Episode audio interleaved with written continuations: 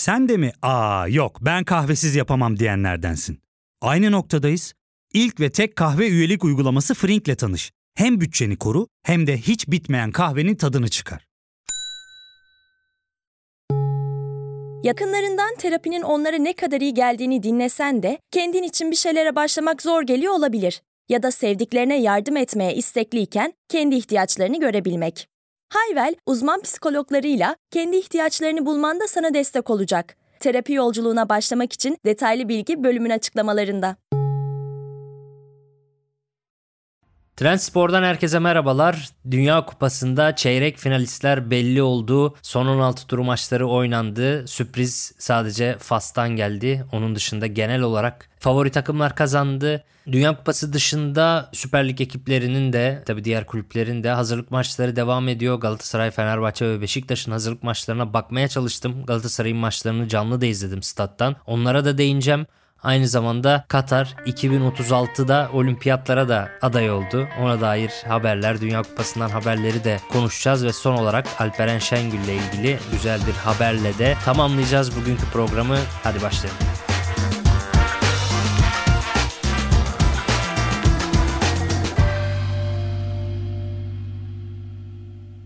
Öncelikle bizim takımların hazırlık maçlarıyla başlayayım. Galatasaray, Fenerbahçe ve Beşiktaş'ın bu dönemdeki hazırlık maçlarını izlemeye çalıştım. Galatasaray'ın maçlarını stat'tan izledim. Önce Galatasaray'la başlayayım. Fenerbahçe'nin de oynadığı maçlara bakmaya çalıştım. Beşiktaş'a da baktım aynı şekilde. Galatasaray ve Fenerbahçe İspanyol ekipleri Rayo Vallecano ve Villarreal ile birlikte küçük bir mini turnuva düzenlediler ve işte Galatasaray'ın sahası Nef Stadyumunda ve Fenerbahçe'nin stadında oynanan, ülke arenada oynanan maçlardan sonra Fenerbahçe'nin iki galibiyet aldığını görüyoruz. Galatasaray ise iki mağlubiyet yaşadı. Galatasaray'da tabii önemli eksikler vardı.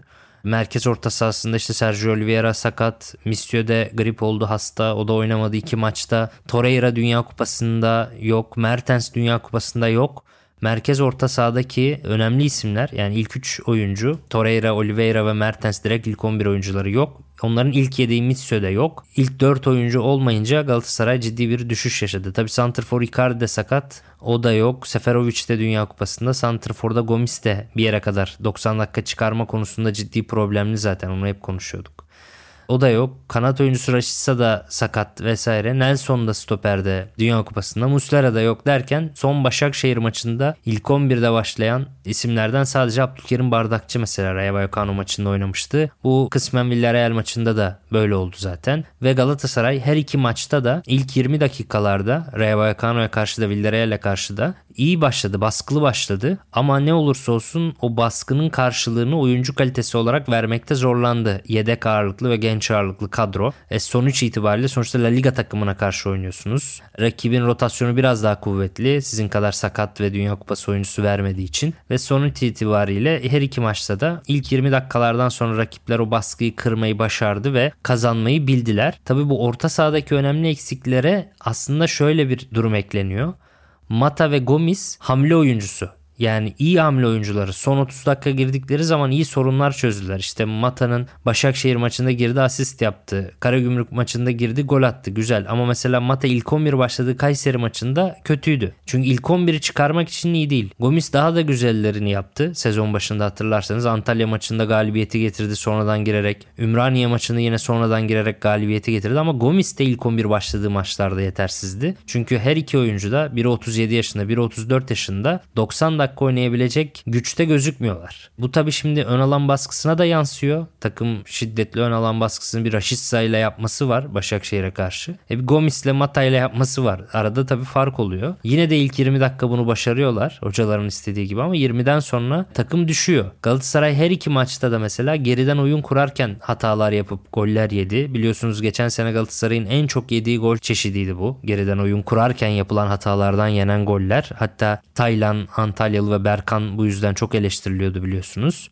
Bu iki hazırlık maçında da bunları gördük. Patrick Van Aanholt'un hatasından Villarreal maçında gol yendi. Berkan'ın hatasından Rayo Vallecano maçındaki gol yendi. Tabii ben bunu Vallecano maçından sonra basın toplantısında Okan Hoca'ya sordum. Takımın ön alan baskısı iyi, güzel ama geriden oyun kurarken hatalar yapılıyor. Vallecano maçında gol dışında rakibe verilen en net pozisyonda da kaleci Okan'ın geriden oyun kurarken bir hatası vardı. Onun dönüşünde karşı karşıya pozisyon oldu, kaçırdılar. Bunu sordum yani geriden oyun kurarken problem neden kaynaklanıyor diye. Bu maçta oynattığımız orta saha oyuncuları Baran ve Berkan Kutlu geriden top istemeyi seven ve geriden oyun kurmak isteyen tipte oyuncular. Bu yüzden biraz daha oyun kurma odaklıydı takım dedi Okan Hoca ama bu oyuncuların topu arkadaşlarıyla buluşturamama nedenlerinden bir tanesi de ön alandaki oyuncuların hareketsiz kalması dedi. Ön alandaki oyuncular dediği Buffettimi Gomis ve Juan Mata oluyor tabii ki. Orada bence doğru bir eleştiri. Bunu isim vermeden profesyonelce yaptı ama doğruydu. Bence bu iki hazırlık maçı maçı Galatasaray için şunun da sinyalini verdi. Galatasaray için okuması gereken bir mesaj bu. Eğer Icardi'nin sakatlığı uzun sürerse Seferovic de satılacak mı gidecek mi gitmeyecek mi belli değil ki zaten o da formsuz. Böyle bir eksiklik var. Mertens ise bir şey olsa falan ön tarafta Mata Gomis Galatasaray'ı taşımakta zorlanabilir. Her iki maçta da hem Rayo Vallecano'ya karşı hem de Villarreal'e karşı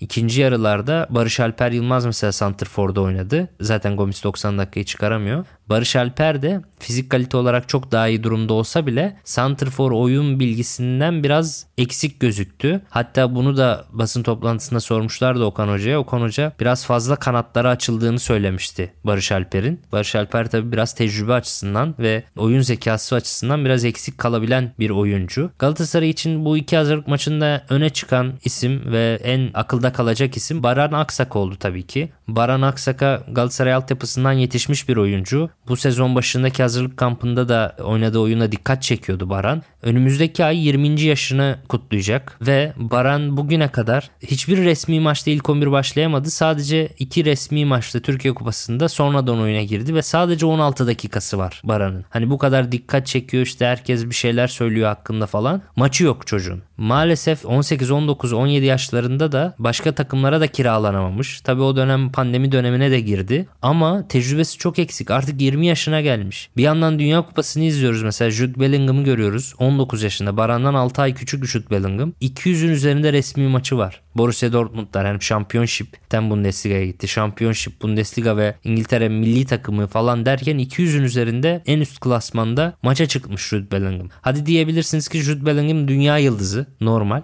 E, Ross'a baktım mesela Matias Ross'a Galatasaray'ın yaz döneminde Danimarka Ligi'nden transfer ettiği stoper Ross'a baktım. Ross 17 yaşından beri Danimarka'nın en üst liginde oynuyor ve geçen sene bu zaman 20 yaşındayken Baran gibi, Baran'la aynı yaştayken yüzün üzerinde resmi maça çıkmıştı. Biz maalesef genç oyuncularımızı hazırlamada, gençlerimize bir gelecek planlamada gerçekten çok eksik kalıyoruz. Bu tabi sadece futbolcuyla alakalı değil yani. Biz doktorumuzdan futbolcumuza, sporcumuza kadar tüm gençlerimize ihanet ediyoruz bence. 20 yaşına gelmiş bir genç oyuncunun hala resmi maçının olmaması ve hala kendisinden büyük potansiyel diye bahsediliyor olması ki ondan 6 ay küçük oyuncuların dünya pazarında coşuyor olması bizim adımıza felsefik açıdan bir problem. Yani işin temelinde bir problem yaşadığımız gözüküyor bence. Baran pozitif anlamda öne çıkarken negatif anlamda da öne çıkan isimler oldu tabii. Okan Koçuk çok hatalı goller yedi. Uzun zamandır oynamadıkça düşen bir kaleci Okan belli ki.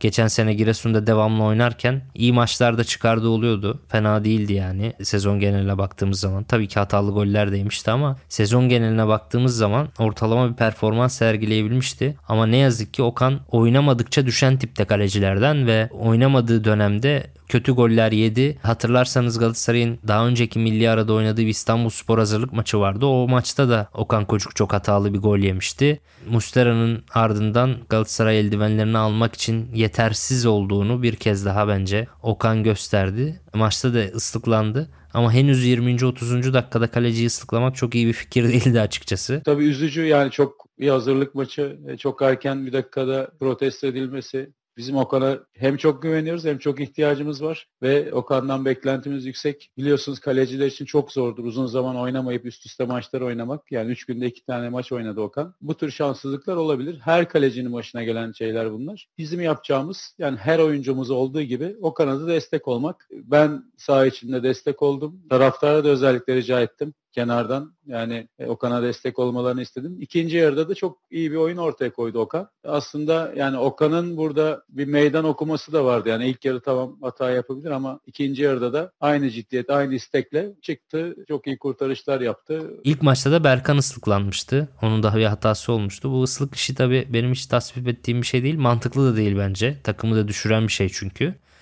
Onun dışında Villarreal biraz fazla sertti ve Yunus Akgün ikinci yarının başında sakatlandı. Capoe'de Kerem'e arkadan kasıtlı olarak sert girdi. Onu pek anlayamadım Villarreal niye bir hazırlık maçında bu kadar sert oynadı. Umarım Yunus'un sakatlığı ciddi değildir. Şöyle Yunus'ta da konuştum. MR'a gidecek. MR'dan sonra daha net belli olacak. Yani dizinde de ufak bir ağrı hissetti. Hani burada ne tür bir şey oldu? Bunu da net bir şekilde MR'dan sonra bu akşam MR'ı çekilecek. Yani çok net, çok ciddi bir ağrısı yok ama bir şey hissettiğini söylüyor dizinde. Ama dediğim gibi MR'dan sonra net bir şekilde belli olur. İnşallah tabii ki önemli bir şey yoktur. Bu döneme biraz şanssız başladık. Üst üste gelen sakatlıklar bizi üzdü. Kerem'in pozisyon da yani var olsa direkt kırmızı verilir. Çünkü kasten oyuncuyu arkadan basıyordu Etienne Capu. O yüzden hani o da bir hazırlık maçına biraz gölge düşürdü açıkçası. Çok anlayamadığım bir durumdu. Fenerbahçe'nin maçlarına biraz değineyim. Fenerbahçe'de ilk maçta Rayo Vallecano maçında Ferdi ve İsmail çok etkili gözüktüler. Her ikisi de ikinci yarının başında oyuna girdi ve takımın maçı çevirip galibiyet almasında önemli rol oynadılar. Serdar Dursun yeniden ilk 11'e dahil oldu. Jorge Jesus onu ilk 11'de oynattı ve çok süre verdi. Serdar Dursun da karşılığını verdi bence. İyi oynadı yani. Pedro çok kötü sakatlandı tabii. Joshua King'in kendisine çok iyi bir ara pasına iyi hareketlendiği bir pozisyon oldu ve onda çok kötü sakatlandı ve sezonu kapatabilir. Tabii çok büyük bir ödem oluşmuş dizinde. O ödemin geçmesi ve işte ona bağlı olarak çekilecek MR'a göre durumu belli olacak. 2,5-3 ayı geçerse yani daha uzun bir sakatlık sezonu kapatabileceği bir sakatlıkta onun yabancı kuralından dolayı sözleşmesini dondurma durumu söz konusu. Sözleşmesini dondurursa tabii Fenerbahçe yeni bir center formu alacak. Yoksa yabancı hakkını başka yerde mi kullanacak? Bunlar soru işaretiydi ki zaten fazladan iki yabancısı var. Başka takımlara da gönderemediği. Buruma ve Lemos.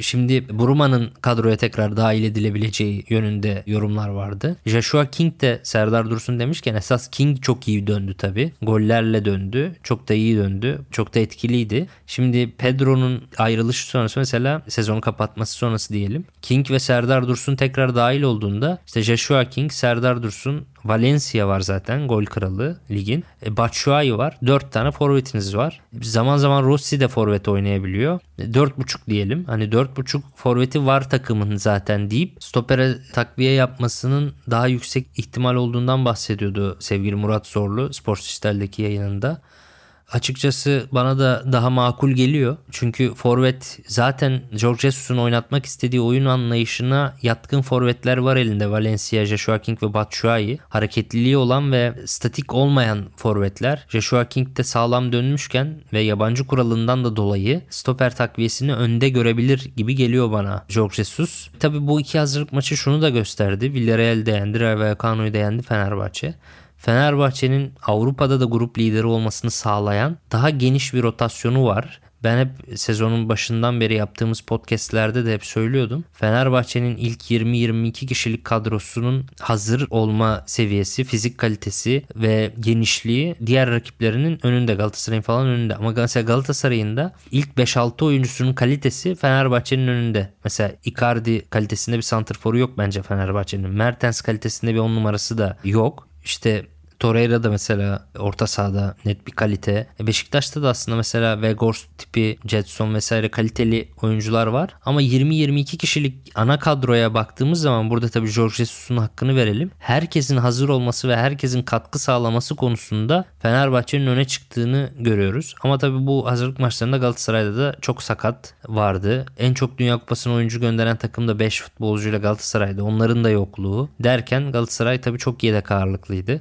Fenerbahçe'nin daha güçlü rotasyonundan da bu hazırlık maçlarında yararlandığını görüyoruz. Tabi sezonun ikinci yarısı da Fenerbahçe bu açıdan yine avantajlı çünkü sezonun ikinci yarısında yani Dünya Kupası'ndan dönüşte birçok hafta çift maç haftası olacak. Fikstür sıkışacak. Haftada iki maç oynayacak. Orada da bence Fenerbahçe'nin ilk 20-22 kişilik kadrosunun sağlamlığı ve formda oluşu Fenerbahçe için sezonun ikinci yarısında da iyi bir avantaj olabilir. Jorge Jesus'un Fenerbahçesi bu Dünya Kupası arasında iyi geçiriyor görünüyor. Hatta hani Serdar Dursun'un yeniden kazanılması, King ve Mert Hakan Yandaş'ın sakatlıklardan sağlam dönmesi, goller ve asistler yapmış olmaları bunlar önemli. İşte İsmail Yüksek'in tekrar iyi performansı, Ferdi'nin bıraktığı gibi yine yüksek performansla oynaması Fenerbahçe açısından güzel gelişmeler.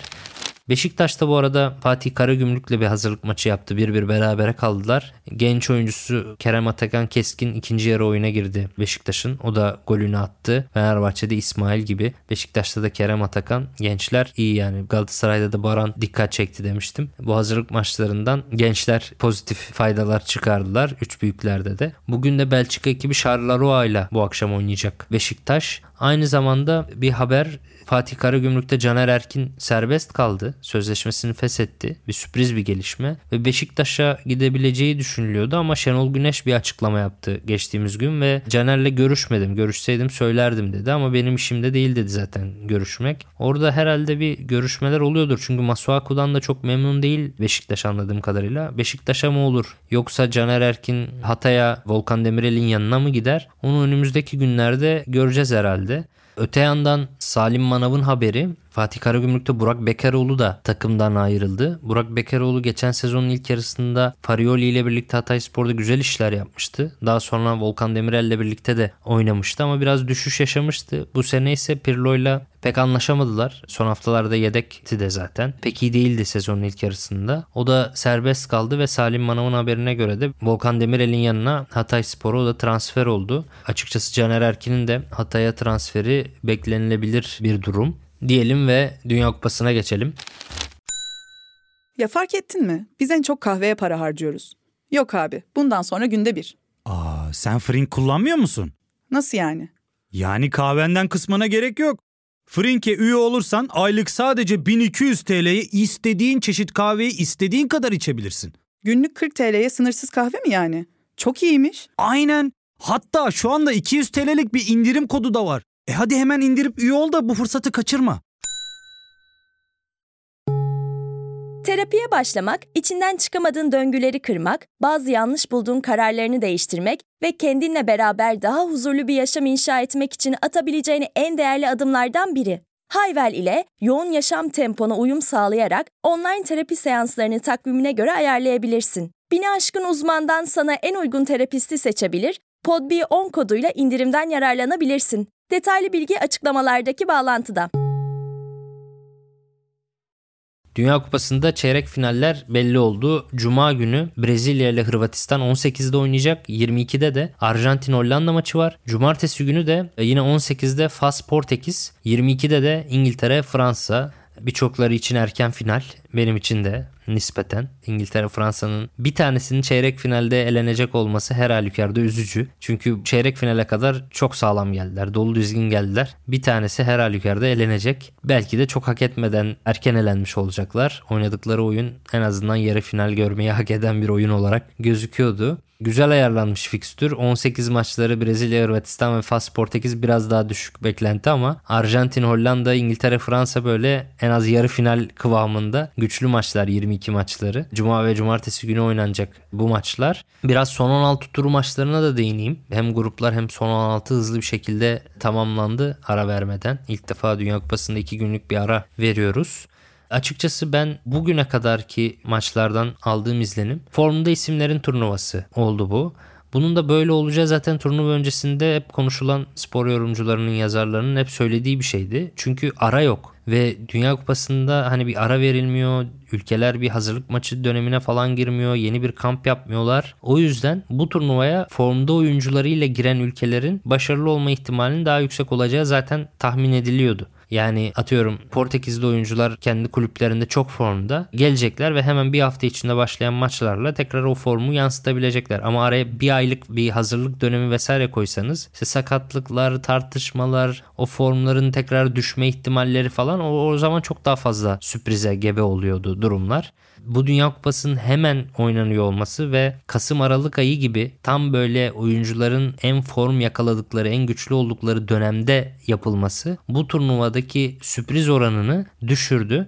Favori ülkeler çok da güçlü oldukları için hem kadro kalitesi olarak hem form düzeyi olarak çok fazla sürprize yer vermeden kazanmaya devam ediyorlar. Tabi bu Kasım ayına kadar olan süreçte Avrupa liglerinde iki takım çok ön plana çıkmıştı. Bir tanesi Benfica, bir tanesi de Napoli. Burada Benfica'nın Dünya Kupası'na da ben küçük çaplı bir damga vurduğunu düşünüyorum. Arjantin'de 21 yaşındaki orta saha Enzo Fernandez ne zaman ki böyle kadroya girmeye başladı o zaman Arjantin'in oyunu da bayağı iyileşti, gelişti. Öbür tarafta da Ramos da Portekiz'de ilk 11'e girdi ve İsviçre'ye karşı hat-trick yapıp şovunu yaptı. Tabi Ramos Ronaldo'yu kesip ilk 11'de oynadı. Ama bu Gonçalo Ramos bu sezon 21 maçta Benfica'da 14 gol 4 asistle oynuyordu tüm kulvarlarda. Ve biliyorsunuz geçen sene Darwin Nunez'in yedeği gibiydi. Yani çok fazla süre bulamayabiliyordu. Yedekten vesaire giriyordu. Ve Darwin Nunez'i çok büyük paralara Liverpool'a gönderdikten sonra 20-21 yaşında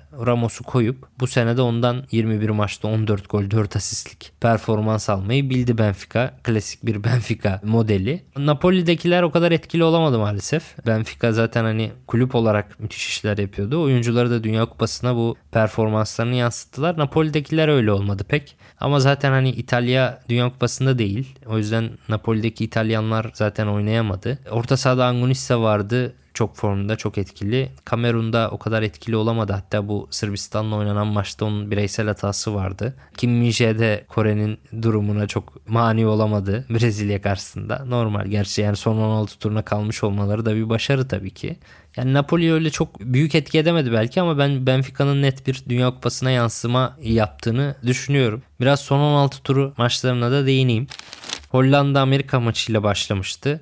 Hollanda sürprize izin vermedi ki Amerika'da pekala sürpriz yapabilecek güçte bir takım. Genç, dinamik bir takımdı. Ama Dumfries damga vurdu. Blind de gol attı bu arada. Dumfries de hem gol hem asist. İki kanat beki de yine 3-5-2'li bir düzende oynuyor Luis van Gaal'in Hollandası. Ve iki kanat beki de gollerle damga vurdu. İşte birinin ortasına diğeri, diğerinin ortasına diğeri falan. Tam bir teknik direktör galibiyeti bu Hollanda için ve biraz Luis van Gaal'in hakkını da vermek lazım. Hani kadro kalitesi olarak mesela bir Arjantin, ne bileyim Portekiz, Fransa, İngiltere vesaire değiller bence. Hollanda'nın en iyi dönemi değil. Çok çok daha iyi Hollanda kadroları hatırlıyorum ben geçmişte. Ama sağlam oynuyorlar. Az şans veriyorlar rakiplerine ve net galibiyetler alıyorlar. Hep iki farklı net galibiyetler alıyorlar. Çok rakiplerine sürpriz yapma ihtimali vermiyorlar açıkçası.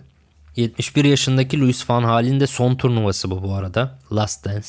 Tabi çok fazla Last Dance olduğu için işte Messi'nin son, Ronaldo'nun son falan. Luis van Gaal çok konuşulmuyor belki ama teknik direktörlük olarak bu Dünya Kupası'nda net farkını koyduğunu söyleyebilirim ben. Mesela Arjantin yendi Avustralya'yı. İkinci maçta onlarındı. Ama çok net sürklase edip işte iki fark attıkları maçta 2-0'dan az daha turu tehlikeye sokuyorlardı. Aziz Bey Messi'ye dönüştü biliyorsunuz bir pozisyonda. Sol kanatta gelişiyor Avustralya hata. Şimdi beraberlik arayışları Aziz Bey ceza sahası.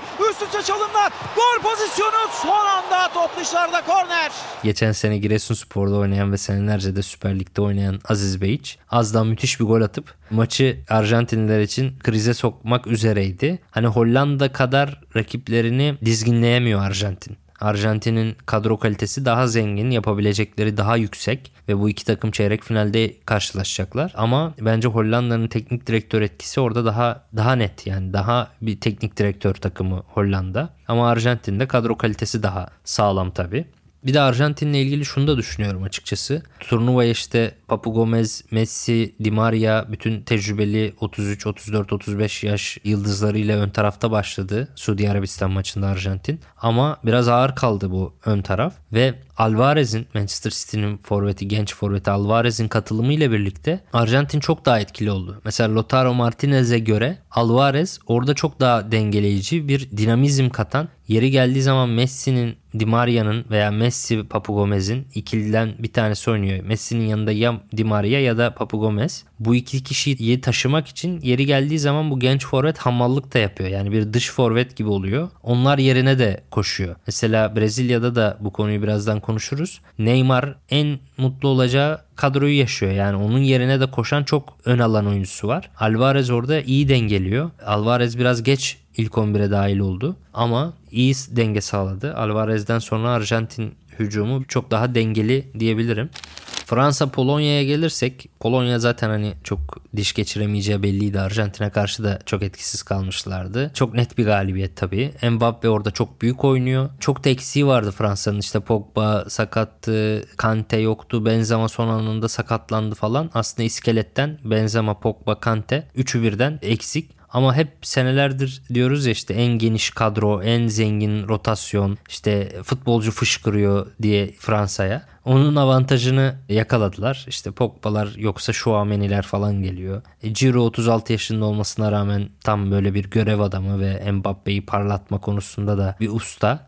Ve Mbappe de rüştünü ispatlıyor gerçekten. Müthiş bir oyun oynuyor bu Fransa liginde olduğu için biraz göz ardında kalıyor bence ve 1-2 ay öncesine kadar Manchester City ile birlikte coşan Haaland onun çok önüne geçmişti. Nasıl işte Messi Ronaldo rekabetinden söz ediyorsak gelecek 10 yılda da Haaland Mbappe rekabetinden söz edeceğiz. Ve 1-2 ay önce Haaland sürekli her gün konuşulurken Mbappe pek konuşulmuyordu. Ama Dünya Kupası'nda yeniden vitrine çıkınca bu kez de Mbappe haklı olarak konuşuluyor. Ama burada tabii kariyer seçimleriyle ilgili de bir öz eleştiri yapması lazım bence Mbappe'nin. Bundesliga'da büyük bir lig ama Haaland mesela Bundesliga'da kalabilirdi. Bayern Münih'te kalabilirdi ama daha büyük bir vitrine Manchester City'ye gitti bir challenge ve en çok izlenen maçlar ne olursa olsun Premier Lig. Ondan sonra da La Liga geliyor.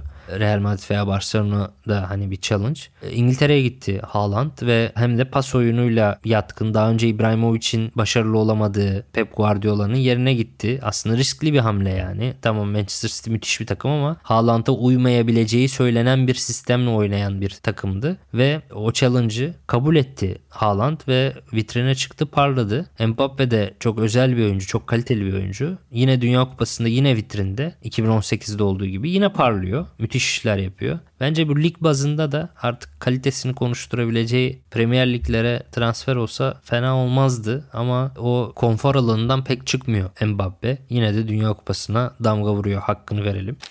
İngiltere Senegal karşısında yine Fransa'nın Polonya'yı rahat yendiği gibi net bir galibiyet aldı ama burada Senegal'de açık oynadı ve o yüzden de keyifli bir maç izledik. Hani Polonya kadar ezildiğini söyleyemem asla Senegal'in fark olarak daha farklı yenilmiş oldular ama Senegal bence güzel bir veda yaptı. Kendilerini kutluyorum. Keyifli bir futbol ülkesi. Zaten son Afrika şampiyonu Senegal ve Mane de yoktu onlarda. Yapabildiklerini yaptılar. Güzel oynadılar. Kapalı oyunu çirkinleştirmediler. Olabildikleri kadar mücadele ettiler ve güzel bir veda oldu. İngilizler de dolu dizgin devam ediyor. Jude Bellingham orada müthiş işler yapıyor. Onun da hakkını verelim. Japonya Hırvatistan maçına geçersek ya Japonya en büyük sürprizi yapan takım oldu işte. Hem Almanya'yı yendi elemiş oldu bir nevi hem İspanya'yı yendiler. Ama bu Dünya Kupası'nda tabii 3 günde bir maç olunca tabii bir yere kadar olabiliyor. Yani mesela 7-8 tane oyuncunuz var Bundesliga'da ve aslında iyi bir kadronuz var. Ama rotasyon da tabii çok önemli oluyor. Çünkü 3 günde bir maç yapıyorsunuz. O oyuncular yoruluyor haliyle. O sizi taşıyan 7-8 oyuncu yoruluyor. O yorulan oyuncuları ikame edemediğinizde sürpriz bir yere kadar yani Mesela Suudi Arabistan'da ilk maç Arjantin'e karşı tamam müthiş bir galibiyet aldılar ama devamı o kadar kolay olmayabiliyor. E Japonya'da iki galibiyette evet Almanya ve İspanya ama üçüncü maç falan artık takım yoruluyor yani bir yerden sonra ve Hırvatistan'da ne olursa olsun güçlü bir kadro. Bir de tecrübeliler. İş penaltılara kalınca çok daha sakin. Çok daha winner oyuncuları var ve aldılar bu maçı. Ama ben Japonya'nın da Hırvatistan yani Japonya'nın gücü yetmedi. Tükendiler en sonunda. Hırvatistan'a elendiler ama Hırvatistan'da bir sonraki maçı mesela Brezilya. Ben çeyrek finallerde en net eşleşmenin en favoriyle eşleşmenin o eşleşme olduğunu düşünüyorum Brezilya'dan dolayı. Hani Brezilya Hırvatistan'a karşı biraz güçlü gözüküyor ve Güney Kore'ye karşısında da öyleydiler. Sürklase ettiler. Bence en güçlü oyunu da onlar oynuyor. Çünkü savunmayı da çok iyi yapıyorlar. Savunmayı en önden itibaren çok iyi yapıyorlar. Brezilya deyince hep şey diyorduk ya yani bu çok yetenekli oyuncuları var ama işte ne kadar savunma yapıyorlar vesaire diye. Hatta ben 2006 Dünya Kupası'nı çok iyi hatırlıyorum. Kanal 1'de miydi neydi hatta düzenleniyordu. TRT 1 dışında düzenlenen nadir Dünya Kupası belki bir tanedir. O Dünya Kupası'ydı bir özel kanalda yayınlanmıştı. O Dünya Kupası öncesinde şeyi hatırlıyorum o kanalda bir program vardı ve işte sokağa mı çıkıp sormuşlardı ya da spor yazarlarına sormuşlardı galiba. Böyle 10-15 kişiye turnuva öncesinde favoriyi sorulmuştu ve herkes Brezilya diyordu. İstisnasız 15 yazarın 15'i birden falan Brezilya'ydı. Öyle Brezilya demişti. Öyle bir şeydi. Öyle bir video hatırlıyorum. Ama dünya genelinde de Brezilya çok favoriydi. Çünkü işte Kaka Milan'da 2006 yılı Prime Kaka 2007'de ve 2005'te mi şampiyon olmuşlar? Şampiyonlar Ligi şampiyonu oluyorlardı o yıllarda işte iki defa üst üste mi olmuşlardı? 2005'te Şampiyonlar Ligi şampiyonu olan yine Ronaldinho'ydu. Yine Prime Ronaldinho. Avrupa'nın hani top 3 oyuncusu varsa o dönem Ronaldinho Kaka aynı kadrodaydılar. Robinho'nun prime dönemi, Lyon'daki Juninho'nun işte prime dönemi, Inter'deki Santrfor hani eski konsol oyunlarından hatırlarsınız işte o müthiş şutlar atan Adriano Inter'deki prime dönemi ve bir yandan Ronaldo gibi, Roberto Carlos gibi, Lucio gibi tecrübeli oyuncuların da işte son Dünya Kupası. Hani böyle kadro olarak müthiş bir kadroydu o Brezilya ve herkesin açık farklı kadro kalitesinden dolayı büyük favori dediği bir Brezilya'ydı ama Adriano mesela ne kadar formda olursa olsun e, çok savunma yapmayı seven, çok kovalayan tipte bir santrfor değildi. E, tecrübeli Ronaldo da öyle. E, Ronaldinho da öyle. Kaka da öyle. E, haliyle yani herkes yıldız hep söylediğim bir atasözü. Sen ağa ben ağa bu iğneyi kim sağ durumu futbolda çok şey yapar. Futbol tamamen bir denge oyunudur ve bazı komutanları taşıyacak bazı askerler gerekir. İşte Brezilya'da mesela şimdiki kadroda askerler de çok var. O kadroda herkes komutandı. İşte Zé Roberto'su, Ronaldinho'su, Kaka'sı, Juninho'su müthiş yetenekler ama az savunmacılar o dönemki kadro. Bu kadroysa çok güçlü askerler de barındırıyor ve bilhassa da ön hatta. Yani Richarlison hem iyi bir forvet hem de çok çalışkan bir forvet. Çok güçlü bir forvet. Vinicius Junior ve Rafinha biri Real Madrid biri Barcelona'nın genç yıldızı. Genç oldukları için henüz böyle çok büyük yıldız mertebesine henüz ulaşmadıkları için ki bence çok büyük yıldız en azından Vinicius Junior çok büyük yıldız. Ama henüz o mertebede olmadıkları için yani 27-28 yaşlarına geldikleri zaman çok çok daha böyle Neymar havasında olacaklardır muhtemelen ama henüz 20'lerinin başlarında oldukları için onlar çok asker oyuncular. Tabi Vinicius Junior'a da 18-19 yaşında La Liga'ya gelip işte Real Madrid'e geldiği için ona böyle Avrupa futbolu da çok iyi aşılandı. Çok disiplinli, çok çalışkan oynuyor Vinicius Junior. Ve bu çalışkan oyuncular zaten ön hatta olduğu için Neymar çok rahat yani şu anda. Sağında Rafinha, solunda Vinicius Junior, önde Richarlison canavar gibi koşturan, baskı yapan vesaire oyuncular ve Neymar şu an mesela çok rahat onları yönetme ve komutanlık yapma konusunda. Bir de çalışkan asker oyuncularınız ön tarafta olması çok büyük avantaj. Çünkü arka taraftakiler zaten savunmacı. Yani zaten savunma ve önünde işte Casemiro, Paqueta falan. Hani oradakiler zaten savunma yapmayı biliyor ama ön taraftaki oyuncularınız da asker olursa onlar da savunma yaparsa işte bu Brezilya gibi yeteneğin yanına çok da iyi bir savunma ve güçlü bir pres de koyabiliyorsunuz. Öyle olduğu için de Brezilya son derece komple bir kadro. Bu Brezilya bana biraz Daum Fenerbahçe'sini de hatırlatıyor. Mesela Daum'un Fenerbahçe'sinde Alex de Souza çok coşuyordu bildiğiniz üzere. Ama baktığınız zaman mesela Alex'in solunda canavar gibi koşturan Tuncay Şanlı oynuyordu. Sağ kanatta genç Serhat Akın. E, arkasında Apyah'ı Aurelius'u. Hani böyle bir Alex'i bir konfor çemberine almışlar ve her tarafındaki oyuncular saldırıyor. Aynı bu Brezilya gibi. Ve 10 numarada da Alex çok daha rahat tabii ki oynuyor. Hani bu Hacı için de söylenir. İşte arkasında Okan Suat Emre, önde Hakan sürekli pres yapan oyuncu. Hacı de mesela komutanlığını kolay yapmıştı o 96-2000 döneminde. Alex de o Daum döneminde öyleydi. Bu Neymar'da o komutanlık avantajını etrafında oynayan daha genç ve atlet ve çalışkan hücumcularla birlikte daha güzel sergileyebiliyor.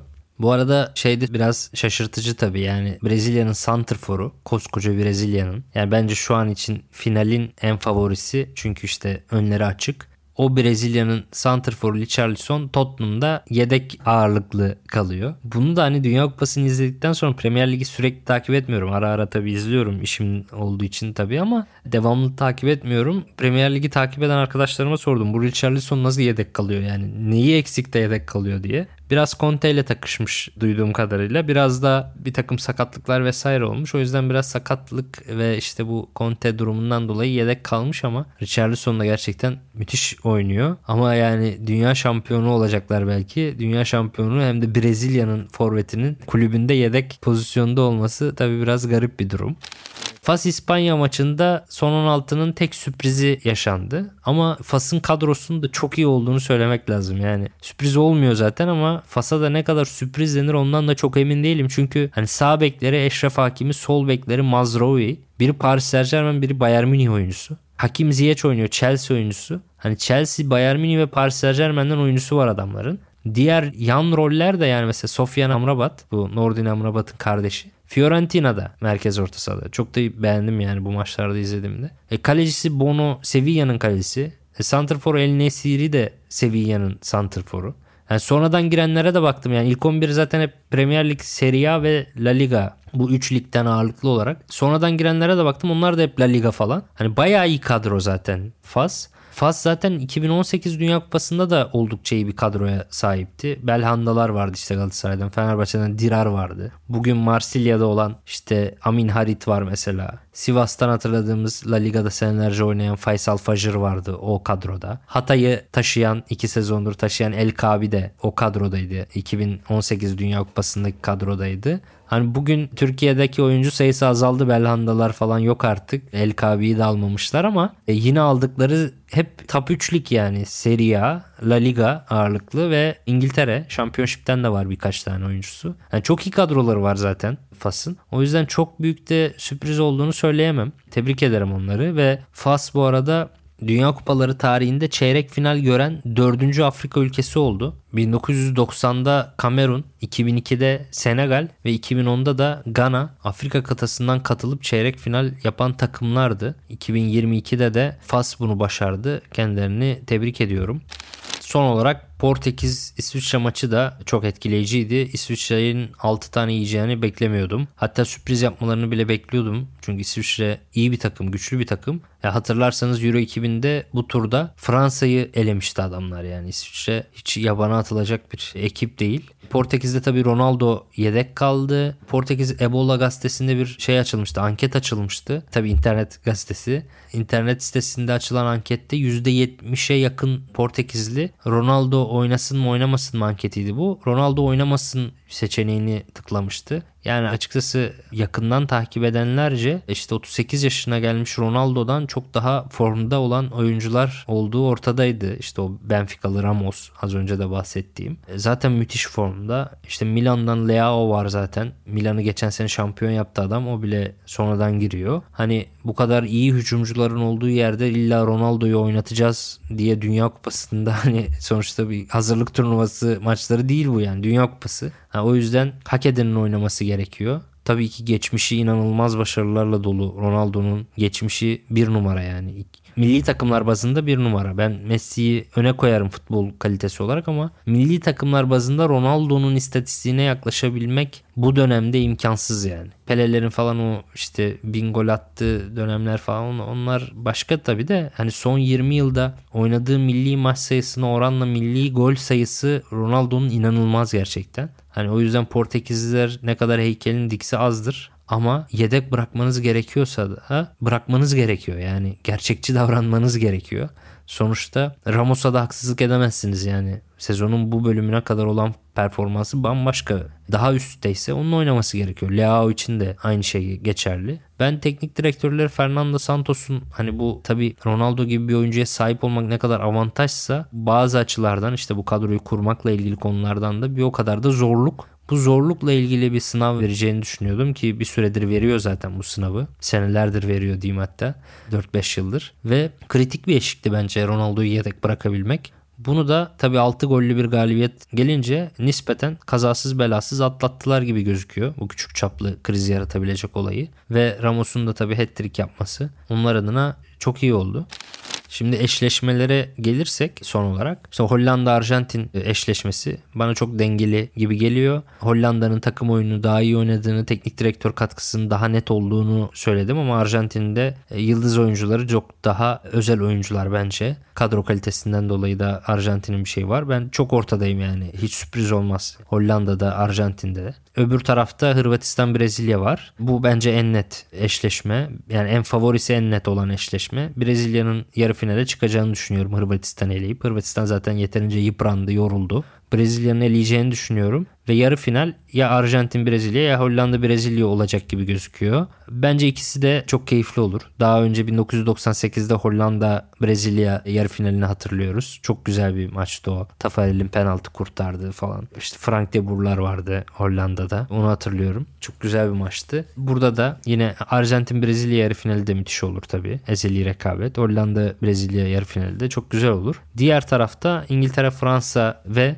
Fas'la Portekiz'in eşleşmeleri var. Tabi bu taraf biraz daha Avrupa tarafı gibi. E, diğer taraf biraz daha Güney Amerika tarafı gibi oldu. İngiltere Fransa erken final. Kim elense üzüleceğim açıkçası ve çeyrek finalde elenmeyi hiç hak etmiyorlardı demiştim. Diğer tarafta da Fas'la Portekiz'in eşleşmesini görüyoruz. Portekiz tabi kadro kalitesiyle de biraz daha formda gözüküyor ama Fas'ın oldukça sağlam savunma yapabildiğini gördük. Bakalım Portekiz'in hücum gücünü de pasifize edebilecekler mi? Biraz İspanya'ya karşı da bunu yaptılar. Gruplarda da bunu yaptılar. Rakiplerini oynatmama konusunda Fas oldukça etkili. Portekiz'in o renkli ve güçlü hücumlarını ne kadar dizginleyebilecekler, ne kadar oyunları kendi istedikleri seviyede oynatacaklar. Onu göreceğiz ama ben orada Portekiz'i biraz önde görüyorum açıkçası. Sanki İngiltere-Fransa maçını kazananın da bu taraftan finale yürüyeceğini düşünüyorum.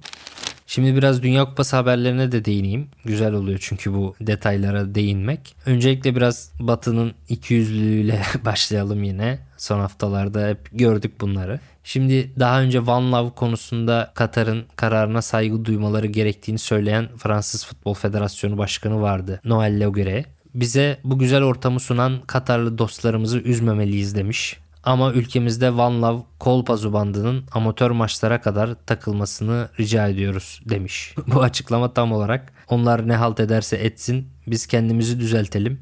Diğer ülkeler de ne yaparlarsa yapsınlar ikiyüzlülüğünde. Hiçbir kapsayıcılığın olmadığı tam bir ikiyüzlülük açıklaması. Tebrik ederim kendisini. Rusya'da Zenit forması giyen Lovren da yine şirin gözükmek için Ruslara sanırım. Rusya'nın Dünya Kupası'nda olmaması üzücü. Spor ve siyasetin ayrılması gerektiğini en iyi bilenlerdeniz. Bu ayrım burada da olmalıydı. Rusya halkı kesinlikle burada olmayı hak ediyordu demiş. O da bulunduğu lige oynadığı futbol ülkesine yaranma açısından açıklamalarda bulunmuş. Ersen Wenger maalesef hayal kırıklığına uğrattı beni ki Wenger artık yani 70'lerinde ve neden buna ihtiyaç duyuyor anlamak güç. Yaptığı açıklamada demiş ki Almanya milli takımı zihinsel olarak siyasi gösterilerden arınıp saha içine odaklanmayı başaramadı. Bu yüzden elendiler. Fransa ve İngiltere çok daha sağ dışı etmenleri düşünmüyor. Onlar kafalarını futbola veriyor. O yüzden başarılılar. Almanya ise sağ dışını odaklandı. O yüzden elendi demiş. Yani sağ dışına odaklandı dediği bir Almanların işte ellerini ağzına götürüp fotoğraf çekilmesi var. Yani bu ne kadar odaklanmış olabilirler. Onu da Wenger'e sormak lazım ama hayal kırıklığı bir açıklamaydı. Bu açıklamalardan sonra tabii şunu da gördük. Gökkuşağı renkli pazubant takan Amerikalı bir seyirci stadyumdan çıkarılmış Amerika maçında. Hani bunların yansımaları da tribünlerde devam ediyor. Bilhassa bu ülkelerin yani bu ülkelerden açıklama yapan kişilerin kendi ülkelerinde böyle bir şeyi istemeyip kendi ülkelerinde bu konulara hassasiyet gösterip oraya giden vatandaşlarını korumuyor olmaları da beni ayrı bir şekilde şaşırtıyor diyeyim. İran-Amerika maçında başka gelişmeler de oldu tabii ki. Çok daha sert gelişmeler de oldu. İran Amerika'ya yenilince İran'da bu durumu böyle coşkuyla kutlayan vatandaşlar da vardı.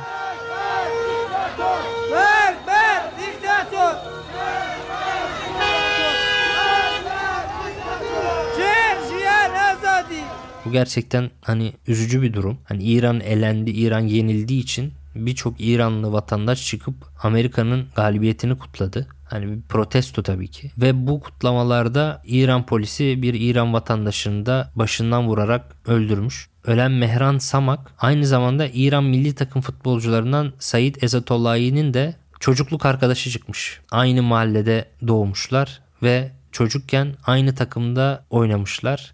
Ezatollahi aynı takımda oynadıkları bir fotoğrafını paylaşmış ve bir gün maskeler düşer ve gerçekler açığa çıkar. Gençlerimiz ve ulusumuz bunu hak etmiyor demiş. Çocukluk arkadaşınınla kendisinin fotoğrafını paylaşarak.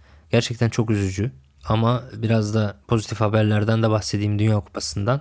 Costa Rica Almanya maçını Stephanie Frappart yönetti. Bu Frappart da Dünya Kupası'nda maç yöneten ilk kadın hakem ünvanını kazandırdı. Yardımcı hakemleriyle birlikte çok da iyi bir maç yönettiler. Biraz da açıklamalara geçelim. Şezni Arjantin maçı sonrasında Polonya'nın kalecisi bir açıklamada bulundu. Messi'nin pozisyonunda penaltı verilmişti biliyorsunuz. Hakem VAR'a gitmişti. O VAR'a gidiş esnasında Messi ile iddiaya girdiğini söylüyor. 100 euroya iddiaya giriyorlar. Şezni hakemin penaltı çalmayacağını söylüyor. Messi de hakemin penaltı çalacağını söylüyor ve hakem penaltıyı çaldı. Ve Şezni de bu parayı Messi'ye ödemeyeceğini söylemiş. Herhalde çok da Messi'nin de ihtiyacı yoktur herhalde o 100 euroya. Suarez bazı açıklamalarda bulundu. 2010 Dünya Kupası'nda hatırlarsınız Gana maçında işte Suarez eliyle penaltı yapmıştı, golü engellemişti ve sonra o penaltı kaçmıştı ve penaltılarla da Uruguay Gana'yı elemişti. Çok epik bir hikaye herkes biliyordur. Onunla ilgili bir soru sormuşlar ve Luis Suarez'e özür dilemek isteyip istemediği sorulmuş. Suarez de özür dilememe gerek yok. Bir oyuncuyu incitsem özür dilerim Elimle topa dokundum. Kırmızı kart gördüm ama penaltıyı ben kaçırmadım. Yaşananlar benim hatam değil demiş.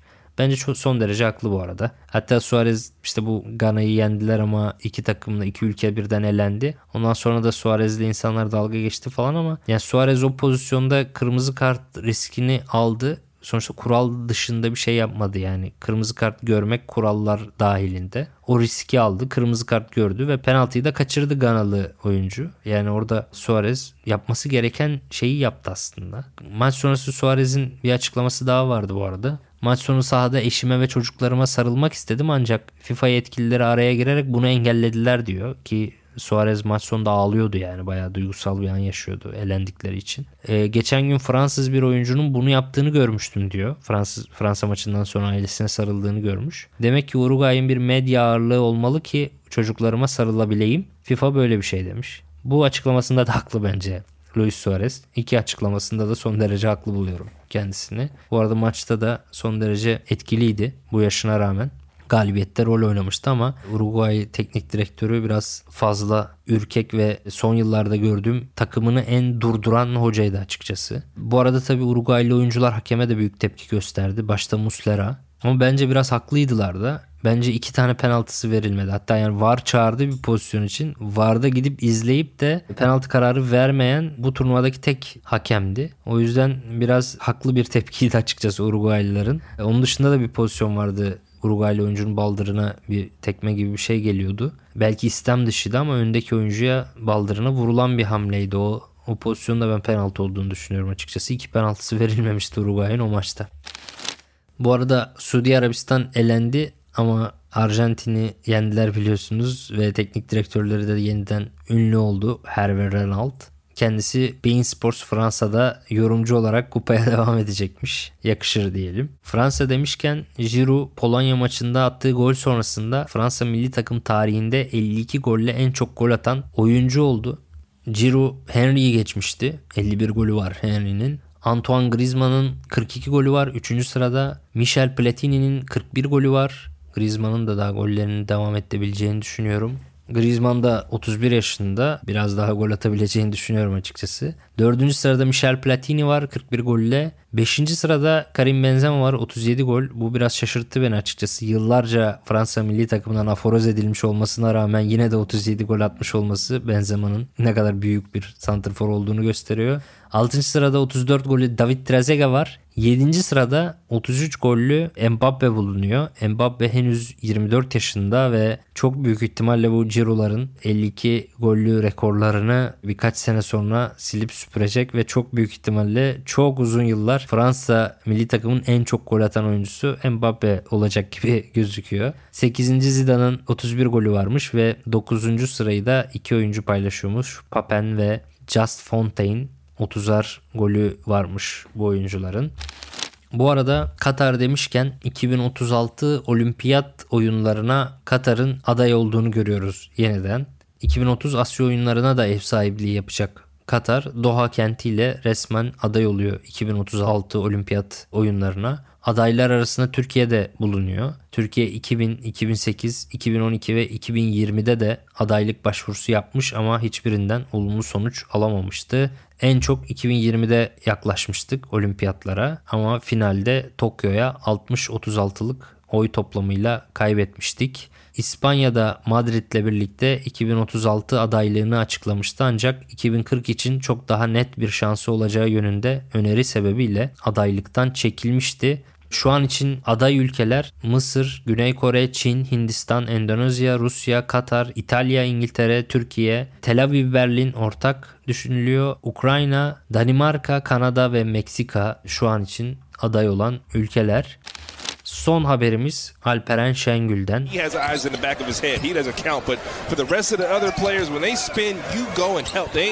Şengül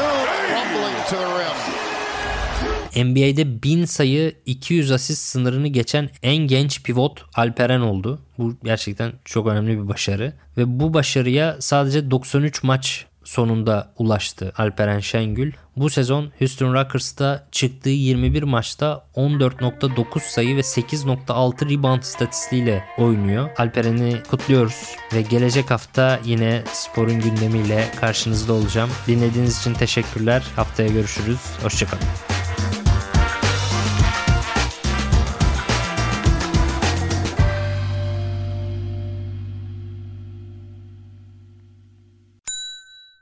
İlk ve tek kahve üyelik uygulaması Frink, 46 ildeki 500'den fazla noktada seni bekliyor. Açıklamadaki kodu girerek sana özel 200 TL'lik indirimden faydalanmayı unutma. Hadi sen de Frink üyeliğini başlat, kahven hiç bitmesin. Hem bugününe hem yarınına katacaklarıyla terapi yolculuğuna ve daha iyi hissetmeye bugün Hayvel ile başla. Açıklamadaki linkten Hayvel'i indir, ücretsiz tanışma görüşmelerinin ardından bütçene uygun seans paketini seç ve terapi yolculuğuna başla.